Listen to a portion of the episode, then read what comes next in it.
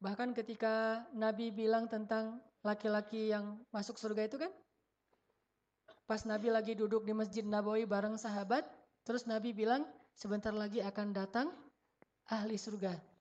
Itu luar biasa ya. Nabi sampai bilang sebentar lagi akan datang ahli surga. Tunggu aja gitu. Dan ternyata setelah ditunggu laki-laki yang pertama datang adalah seorang laki-laki ansor yang nggak disebutkan namanya artinya nggak terkenal, bukan orang, bukan ulama, bukan mujahid, biasa aja. Dia datang, sholat, kemudian pergi. Kata Nabi, itu ahli surga. Coba, ahli surga ketemu langsung di bumi gitu. Dan kalau dibilang ahli surga, nggak mungkin dia masuk neraka. Udah jamin surga tuh. Besok kali yang kedua Nabi bilang lagi, tunggu ya, bentar lagi akan masuk, dia itu ahli surga. Kirain orangnya beda, ternyata yang datang orang yang sama, datang lagi diam-diam sholat doang biasa gitu. Kata Nabi dia itu ahli surga. Sampai tiga kali akhirnya Abdullah bin Amr bin As, kalau nggak salah, pengen berguru kan? Ternyata pas sudah berguru, apa kesimpulannya? Rahasia dia disebut ahli surga sama Rasul. Kalau banyak khatib mungkin mengatakan dia itu memaafkan. Kalau saya baca hadisnya tuh, nggak tahu kalau ada riwayat hadis yang lain yang saya baca hadisnya, dia bilang saya itu nggak pernah menaruh perasaan atau keinginan apa pun atau rasa dengki terhadap orang lain. Jadi hatinya tuh bersih, nggak ada rasa dengki. Jadi kalau ada orang dapat nikmat, dia juga ikut bersyukur gitu.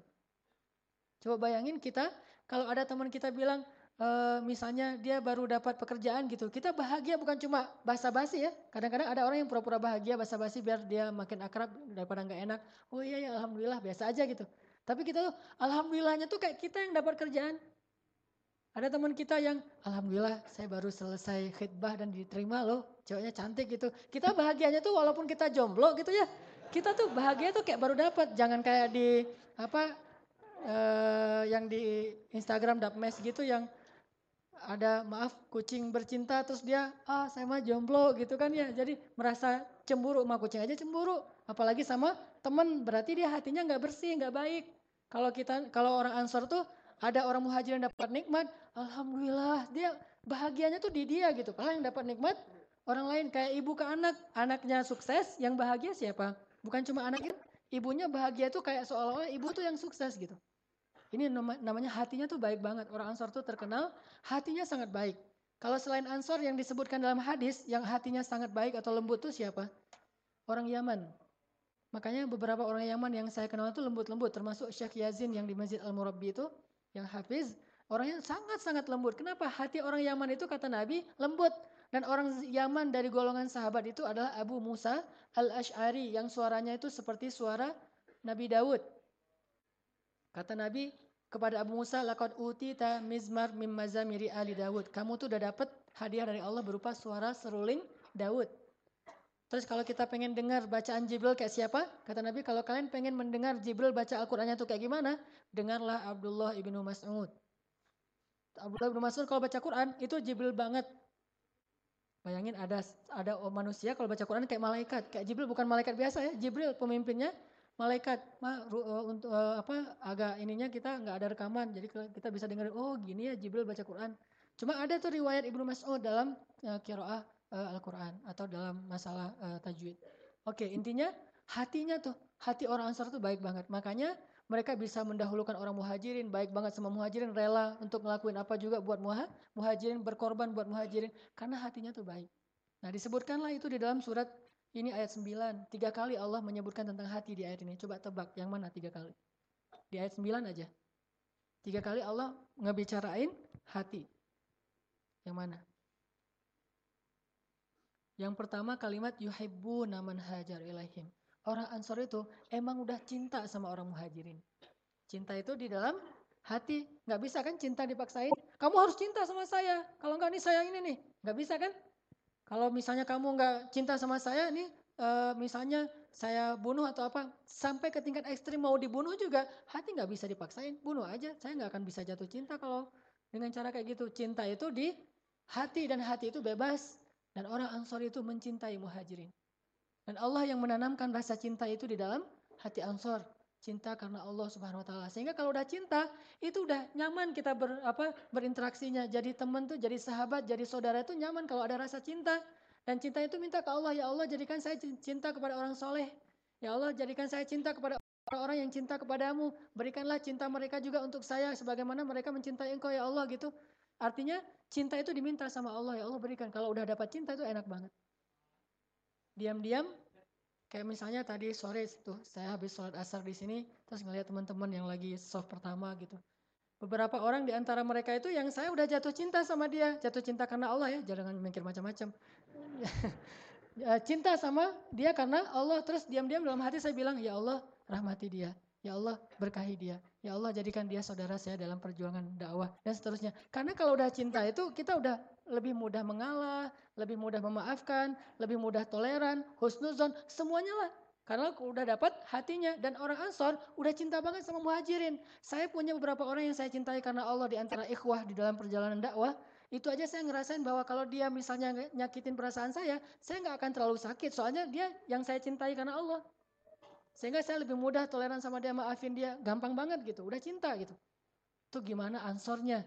Yang saya yakin cinta mereka kepada muhajirin jauh lebih besar daripada cinta saya kepada seseorang karena Allah. Makanya wajar banget kalau ansor itu bisa habis-habisan buat muhajirin. Udah cinta sama muhajirin. Satu. Dua, wala yajidu nafi sudurihim hajah.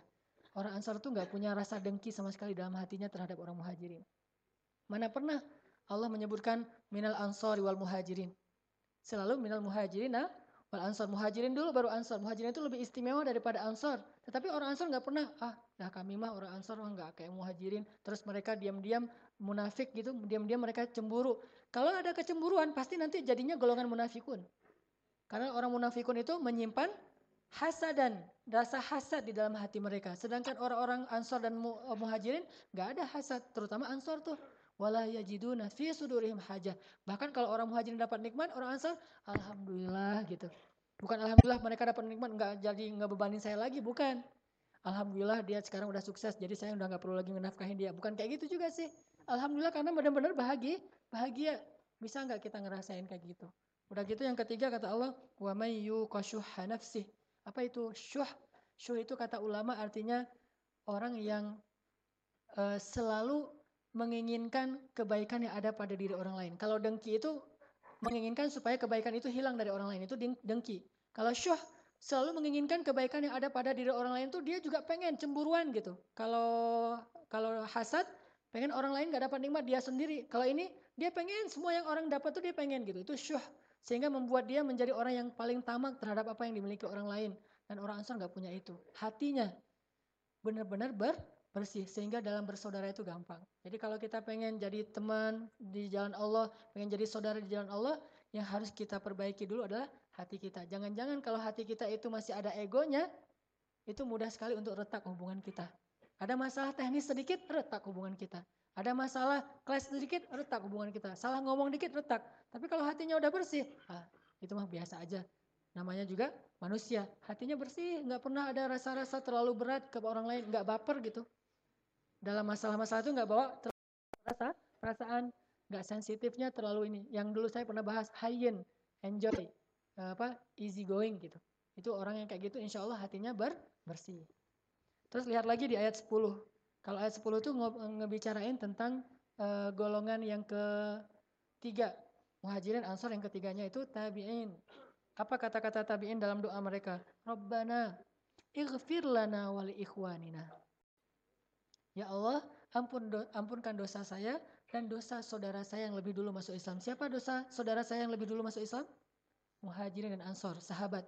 Jadi orang tabi'in itu ngedoain sahabat, ya Allah ampunkan dosa kami dan dosa para sahabat. Memangnya sahabat punya dosa? Ya wajar lah manusia semuanya punya dosa. Jadi mereka nggak doain dosa-dosa para sahabat karena sahabat juga manusia. Bukannya malah dengki kepada para sahabat. Dengki ke Abu Bakar, dengki ke Umar, ke Aisyah, dengki ke Hafsah. Ada dalam diri orang-orang tabi'in. Dan mereka generasi terbaik kedua setelah sahabat. Sahabat nggak saling mendengki, tabi'in juga nggak mendengki sahabat. Semua dicintai karena Allah. Seperti misalnya saya pribadi sangat cinta kepada Abu Bakar. Itu idola saya banget. Dan saya merasa ada kemiripan karakter antara saya dengan Abu Bakar itu bukan kesolehannya, karakternya sama-sama senang dengan lemah lembut. Kalau dengan Umar, eh, polos hatinya tuh nggak ada rasa apa dendam kepada orang lain.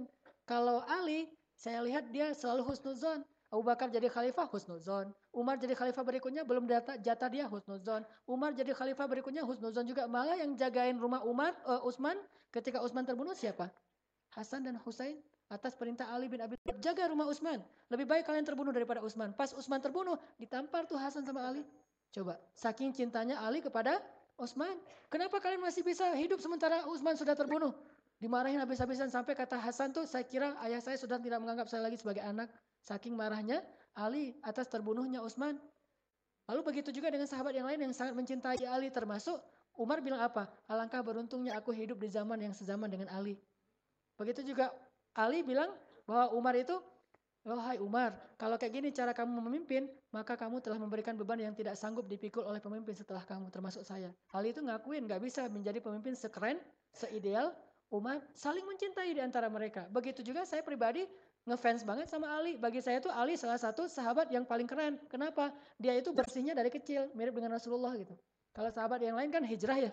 Mereka pernah masa-masa jahiliyah. Kalau Ali itu nggak ada masa jahiliyahnya.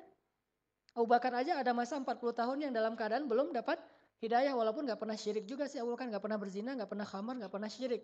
Sahabat yang bersih juga. Cuma nggak sebersih Ali. Ali itu dari sejak kecil bayangkan saking bersihnya itu nggak pernah ngelihat aurat sama sekali. Jangankan aurat orang lain, aurat diri sendiri aja nggak pernah ngelihat. Coba gimana tuh? Sehingga pas lagi perang ada uh, musuh yang terbuk tersingkap auratnya. Auratnya apa? Cuma paha doang tuh. Tersingkap. Ayo langsung sek. Coba. Kita, hah? Kalau Ali langsung memalingkan, itu laki-laki tuh. Gimana perempuan gak pernah ngeliat yang gitu-gitu. Saking sucinya Ali benar-benar terjaga Allah wajah. Sehingga saya ngefans banget sama Ali walaupun belum bisa seperti Ali. Masih apa masih banyak kotornya lah. Tetapi tetap aja ke para sahabat tuh harus cinta. Sampai Nabi bilang, eh, hati-hati kalian dengan sahabatku. Siapa yang Eh, apa membencinya membenciku, siapa yang mencelanya menyakitinya menyakiti Rasulullah SAW. Nah, tabiin bilang gini, Rabbana ighfir lana wali ikhwanina. Ya Allah ampunkan saya dan dosa saudara-saudara saya di antara para sahabat. Bagaimana kita sesama muslim? Apakah kita gara-gara beda mazhab lalu nggak mau saling mendoakan? Gara-gara beda kelompok dakwah terus nggak mau saling mendoakan? Doain aja. Misalnya kita di Masjid Al-Latif, dakwah dengan cara kita anak-anak muda misalnya. Kita doain teman-teman di masjid yang di Antapani yang jamaah tablik misalnya, ya Allah ramaikan juga dakwahnya teman-teman di masjid Antapani yang jamaah tablik. Ya Allah ramaikan juga dan sukseskan juga dakwah saudara-saudara kita di masjid Cipaganti dengan salafinya, di masjid Al-Fajar dengan Pak Atian, Anasnya, masjid yang lain juga banyak sekali gerakan-gerakan dakwah saling ngedoain gitu. Kenapa? Karena saya mencintai mereka semua karena Allah. Kalau udah kayak gitu nyaman, tapi kalau adanya dengki, ada persaingan dakwah yang bukan karena fastabiqul khairat tapi e, karena hasad itu kita nggak nyaman ngelihat masjid yang lain ramai oh ah itu mah cuma ramai sebentar juga apa segala macam ah dijelek-jelekin aja tuh ini menunjukkan bahwa kita masih ada hasad di dalam diri kita atau ghillan rasa tidak senang kepada saudara sesama muslim makanya doanya wa taj'al fi qulubina ghillan lilladzina amanu Ya Allah jangan jadikan di hati kami itu ada ghillan, rasa tidak nyaman, tidak suka kepada orang-orang yang beriman. Kita harus mencintai mereka karena Allah. Ternyata hati lagi, hati lagi mulainya. Termasuk kalau kita pengen benar-benar bisa ninggalin dosa, berawal dari hati juga. Kalau kita bisa benar-benar benci dengan dosa itu, kita dengan mudah akan bisa meninggalkan dosa itu. Contoh, ada seorang sahabat datang ke Nabi bilang, Muhammad, saya mau masuk Islam tapi dengan syarat saya masih boleh berzina. Kata Nabi, boleh masuk Islam, masuk Islam aja gitu. Berzina? Ya. Syahadat. Setelah syahadat, Nabi bujuk pelan-pelan. Kata Nabi, coba kamu bayangin. Gimana perasaan kamu? Kalau ada yang berzina dengan ibumu. Marah kan dia? Hah? Marah. Terus gimana kalau ada yang berzina dengan istrimu? Ah, lebih marah lagi. Terus gimana kalau ada yang menzinahi adik perempuanmu, anak perempuanmu? Marah banget gitu, benci banget dengan laki-laki itu. Terus Nabi bilang, begitulah perasaan laki-laki yang ibunya kamu zinahi, istrinya kamu zinahi, adik perempuannya kamu zinahi, putrinya kamu zinahi. Dia akan marah sekali sakit hati banget sama kamu. Ya Rasulullah, kata dia.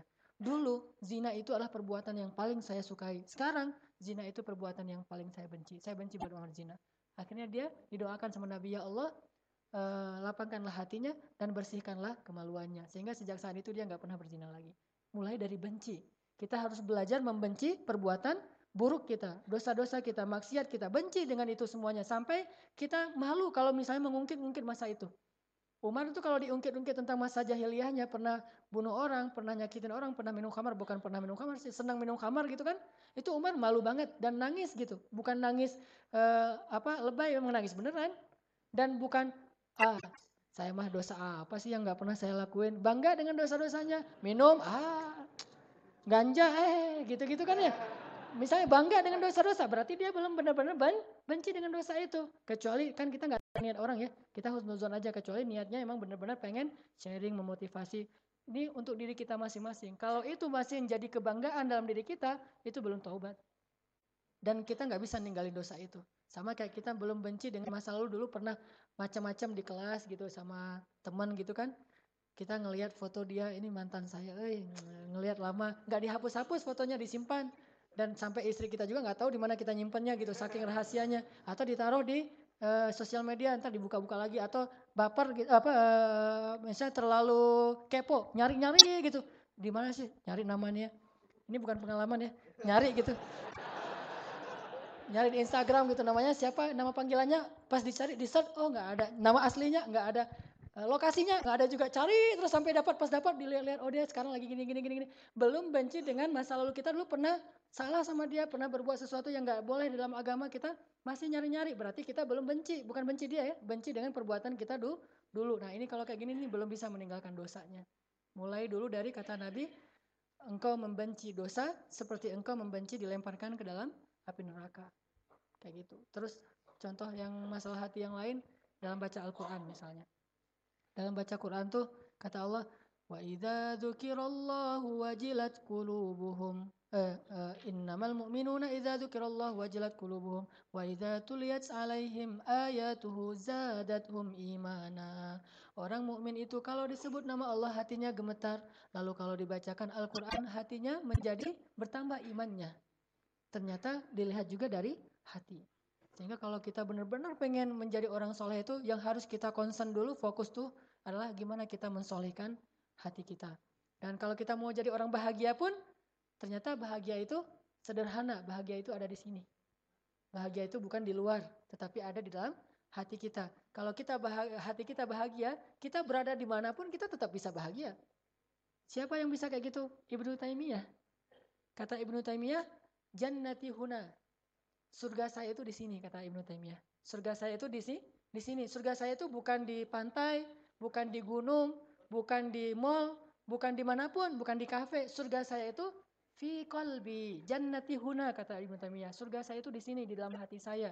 Sehingga ketika beliau di penjara, beliau tetap bahagia. Beliau dibiarkan kelaparan, beliau tetap bahagia. Beliau diancam mau dibunuh, beliau tetap bahagia. Enggak ada cara membuat beliau sengsara kecuali menyengsarakan hatinya. Sementara hati beliau itu sudah bahagia dengan merasa dekat kepada Allah. Dan Allah itu bersama kalian di mana pun kalian berada. Coba gimana caranya? Memutuskan kebahagiaan orang sudah kayak gini. Susah kan?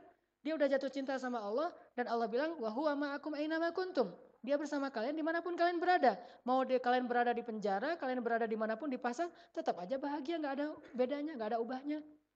Makanya Coba belajar jannati huna. Surga saya itu di sini, di sini. Wa jannati fi qalbi. Surga saya itu ada di dalam hati saya.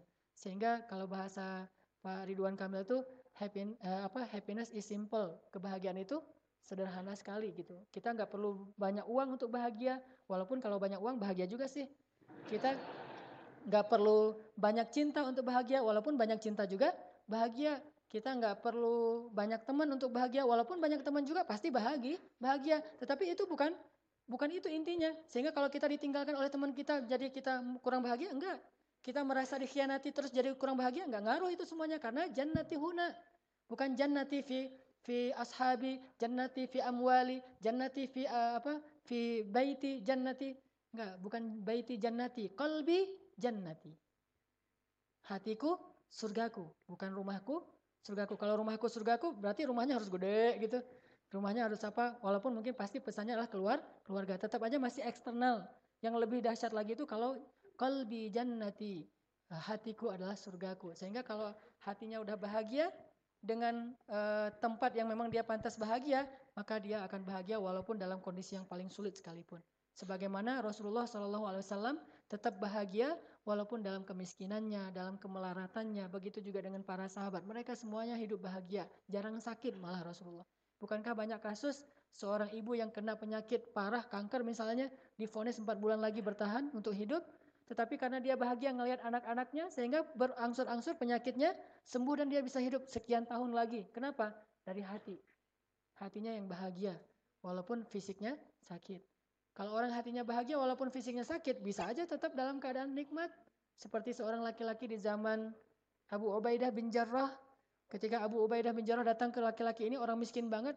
Dia tidur, lumpuh, buta, tapi dia tersenyum sambil bilang, Alhamdulillah, Alhamdulillah, Alhamdulillah. Lumpuh, lumpuh, buta, tapi Alhamdulillah coba. Udah tua, lumpuh, eh, nggak uh, punya siapa-siapa, sebatang kara, buta, tapi Alhamdulillah. Ditanya sama Abu Ubaidah, kenapa engkau masih bilang Alhamdulillah padahal nikmatnya kayak gini? Kata dia, karena saya selalu merasa bahwa uh, apa hati saya itu dipenuhi dengan cinta kepada Allah. Hati saya itu selalu bisa mengingat Allah itu udah buat saya bahagia walaupun saya lumpuh, walaupun saya buta, walaupun saya nggak punya siapa-siapa, tetap aja hati saya itu punya Allah gitu. Jadi hati itu harganya mahal sekali. Coba mulai dari situ. Pertanyaan intinya, gimana membuat hati kita selalu bisa baik, hati kita itu bersih, hati kita itu bisa berkasih sayang, hati kita itu bisa sensitif.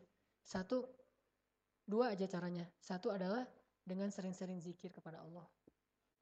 Ala bidzikrillahi tatma'innul tatma'innul qulub. Bukankah dengan mengingat Allah hati itu akan tenang, nyaman. Zikir aja yang sering. Subhanallah, subhanallah, subhanallah. Kalau bisa zikirnya itu dengan rasa penghayatan. Alhamdulillah, Allah baik banget. Masya Allah, Allah hebat banget. Subhanallah, Allah itu maha suci.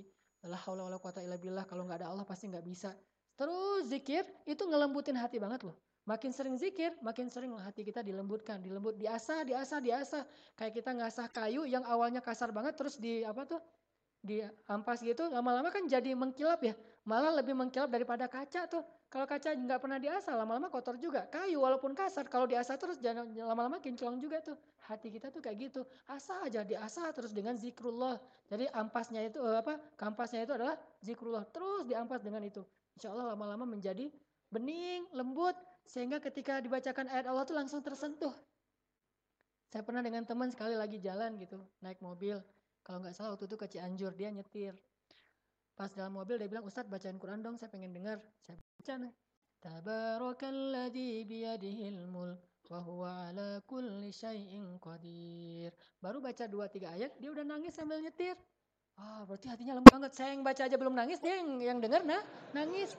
Saya mah biasa aja ngebacanya, mungkin hati saya lebih keras dari dia. Dia lembut banget, baru dengar beberapa ayat, udah langsung benar-benar nangis, gak dibuat-buat. Keluar air matanya sambil nyetir, sambil nangis, coba. Saya malah belajar ke dia, oh ternyata nih orang lembut banget hatinya. Kenapa lembut banget hatinya? Mungkin dia ahli zikir. Setiap hari mengingat Allah, setiap hari ngomongin tentang Allah, Allah, Allah, Allah. Terus kayak orang-orang jamaah tablik tuh, Allah, apa pohon Allah cipta, langit Allah cipta, gunung Allah cipta, Allah. Terus yang dibahas lama-lama hatinya menjadi lembut. Ini kalau kita dengan Allah itu caranya zikir aja yang sering. Paksain aja, walaupun nggak nikmat zikirnya awal-awal emang kayak gitu tadi kayunya masih kasar kan ya. Pas di itu masih agak-agak kasar gitu nggak nyaman, nggak apa-apa terusin aja lama-lama jadi lembut. Jadi zikir itu harus dipaksain, walaupun nggak terasa di hati, paksain aja terus. Subhanallah, masya Allah, masya, Allah. Terus aja lama-lama, masya Allah itu jadi powerful. Subhanallah itu jadi powerful. Malah kita jadi merasa kayaknya hati kita itu kalau nggak menyebut nama Allah itu jadi kurang nyaman. Pengen banget kangen menyebut nama Allah. Satu. Kedua, kalau kita pengen hati kita lembut, diasahnya dengan cara sering-sering melihat kondisi orang yang lebih susah dari kita. Melihat ke bawah tuh itu cepat banget ngelembutin hati. Saya ngerasa banget kalau misalnya ngelihat orang susah, ngelihat orang sakit, ngelihat orang kelaparan, ngelihat orang yang lebih miskin, ngelihat orang yang uh, kerja keras tapi penghasilannya kecil-kecilan gitu. Jadi lembut banget hati kita dan kelembutan hati kita itu jadi buat kita empati, mau bantu mereka dan juga buat kita lebih bersyukur sama Allah. Gitu. Sering-sering lihat itu atau di kayak misalnya saya lagi pengen ngerasain uh, pengorbanan uh, ibu saya gitu, biar lebih terasa di hati saya tuh saya bukalah film-film ilustrasi atau inspirasi tentang ibu kan banyak tuh yang Thailand, yang uh, India gitu kan ya. Ngelihat itu jadi lembut hatinya. Oh, luar biasa ya ibu tuh kayak atau atau pengorbanan ayah yang judulnya ayah saya seorang pembohong besar kan? Yang dia tuh berbohong ke anaknya, tetapi dia berbohong supaya anaknya mau sekolah, supaya anaknya rajin, supaya anaknya uh, apa berprestasi. Semuanya dia berbohong seolah-olah dia punya pekerjaan yang bagus atau apalah kita pasti udah nonton. Intinya itu ngelembutin hati banget tuh. Dia lihat yang kayak gitu-gitu. Lihat seorang ibu tuh yang gemuk, terus dia olahraga biar kurus, biar kurus, biar kurus. Karena dia pengen kurus. Kita pikir nanti itu dia bukan. Ternyata dia pengen kurus biar bisa menyumbang organ tubuh dia kepada anaknya yang sedang sakit. Soalnya kalau masih gemuk nggak bisa dioperasi. Bahaya. Akhirnya dia berolahraga siang malam terus saja. Atau seorang ibu yang pas lagi beres-beres rumah ngelihat pensil anaknya ketinggalan di meja makan, anaknya udah berangkat sekolah, langsung dia lari-lari cari becak segala mau nganterin pensil, anaknya lagi ujian di sekolah. Anaknya pas buka tas, mana pensil, mana pensil. Sementara di dalam ruang ujian gak boleh ngomong, dia diem aja nungguin pensil sambil nangis. Ibunya datang ngetok-ngetok jendela, ini pensil-pensil, datang jauh-jauh. Hal-hal yang kayak gini nih, ya walaupun ini fiksi ya, tetapi tetap aja ngelembutin hati. Coba kalau yang realitas, kita ngelihat langsung ke orang-orang yang membutuhkan. Lihat langsung gimana orang yang mengadu-ngadu karena dia kesakitan, kanker misalnya. Itu ngelembutin hati banget. Sehingga dengan kelembutan hati itu kita mudah berkasih sayang kepada sesama manusia. Terbuanglah ego-ego kita atas nama kemanusiaan. Nah, saya ingin menampilkan nih salah satu video ilustrasi tentang uh, sebuah pesantren yang dulu saya pernah cerita dan ada juga di Instagram saya yang insya Allah kita sedang akan membantu mereka bareng-bareng pesantren di Tasik. Bagaimana anak-anak ini uh, punya semangat belajar Al-Quran dalam keprihatinan dan gimana luar biasa keadaan mereka. Ini mudah-mudahan bisa mengasah hati kita.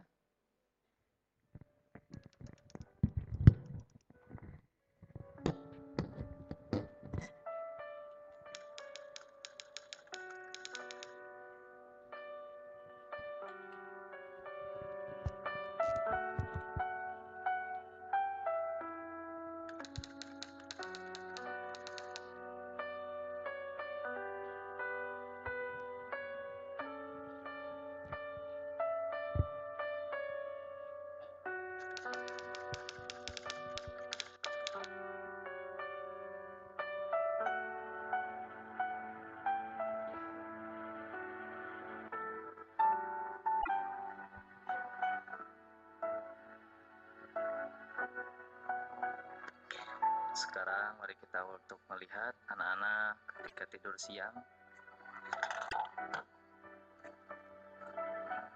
Inilah subhanallah anak-anak datang dari jauh. Dari Indramayu, dari Garut, dari Bandung. Untuk anak-anak kecil untuk tidur siang. Lokasi Alhamdulillah berikan untuk berteduh daripada hujan. Inilah untuk perempuan kecilnya mungkin di sini. Dekat dengan WC, takutan anak kecil mau ngompol. Sebabkan juga WC sini. Ini lokasi kami sederhana.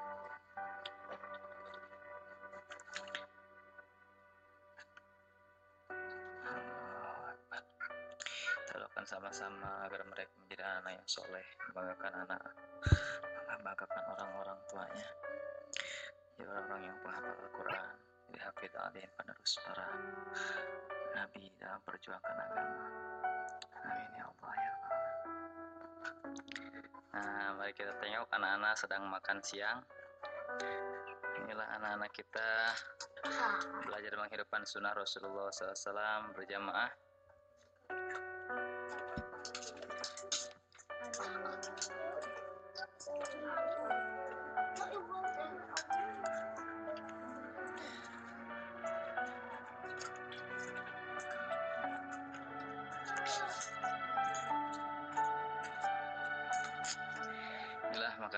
makan kami.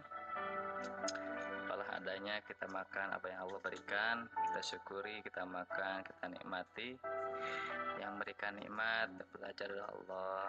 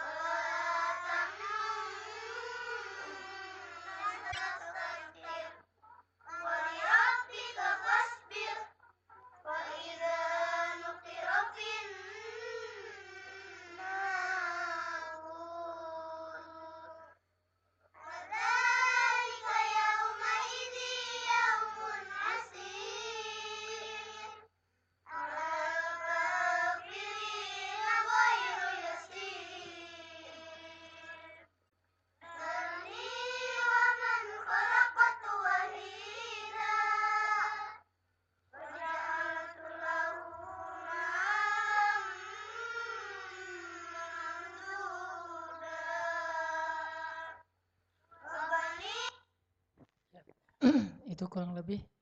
Dan saya pernah ke sana dengan istri saya. Bahkan di sana itu uh, ada banyak sekali anak-anak yang yatim dan yatim piatu. Ada juga yang miskin banget, fakir sampai harus dengan keluarganya, dengan orang tuanya, dengan ibunya tinggal di pesantren ini dan dibiayai oleh seorang ustadz saja dengan kesederhanaan dan keterbatasannya. Mereka semuanya eh, rata-rata sebagian besarnya tuh nggak nggak apa nggak bayar.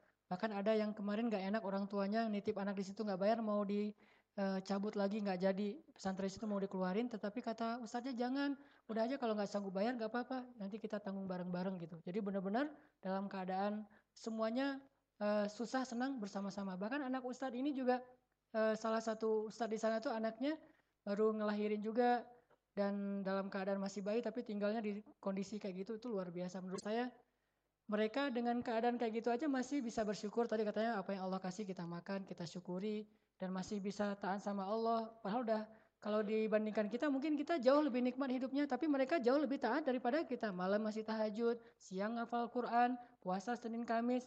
Sedangkan kita yang dikasih nikmat lebih ngeluh aja. Nah, untuk ngasah hati kita biar lebih gampang empati dan lebih mudah bersyukur kepada Allah itu kita sering-sering ngelihat kayak gini. Bahkan kalau saya tampilkan beberapa video lagi nanti ada anak kecil namanya Dai, dia itu e, yatim piatu.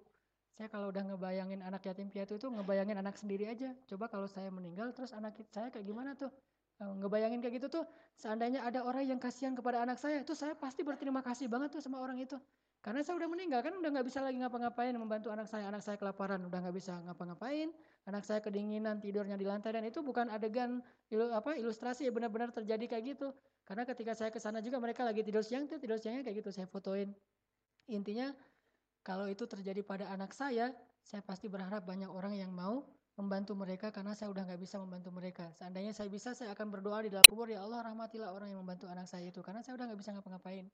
Kemarin pas saya umroh sama istri saya, saya berpikir nih kalau nanti anak saya saya meninggal dengan istri saya gimana anak-anak saya gitu ya. Intinya uh, melatih melatih melemburkan hati kita itu dengan sering-sering ngelihat ke bawah orang susah. Insya Allah itu hatinya akan lebih lembut. Kalau hatinya udah lembut, kita akan lebih mudah untuk bergaul dengan manusia dengan penuh kasih sayang, akhlak yang mulia. Itu semuanya lewat hati. Jadi teman-teman sekalian, fokus dua hal. Banyak zikir, banyak ngelihat ke bawah bukalah mata kita lebih uh, jelas, lebih lebar untuk melihat orang di sekeliling kita yang juga ternyata Allah kasih ujian yang lebih berat dari kita, dari situ hati kita akan lebih lembut insya Allah.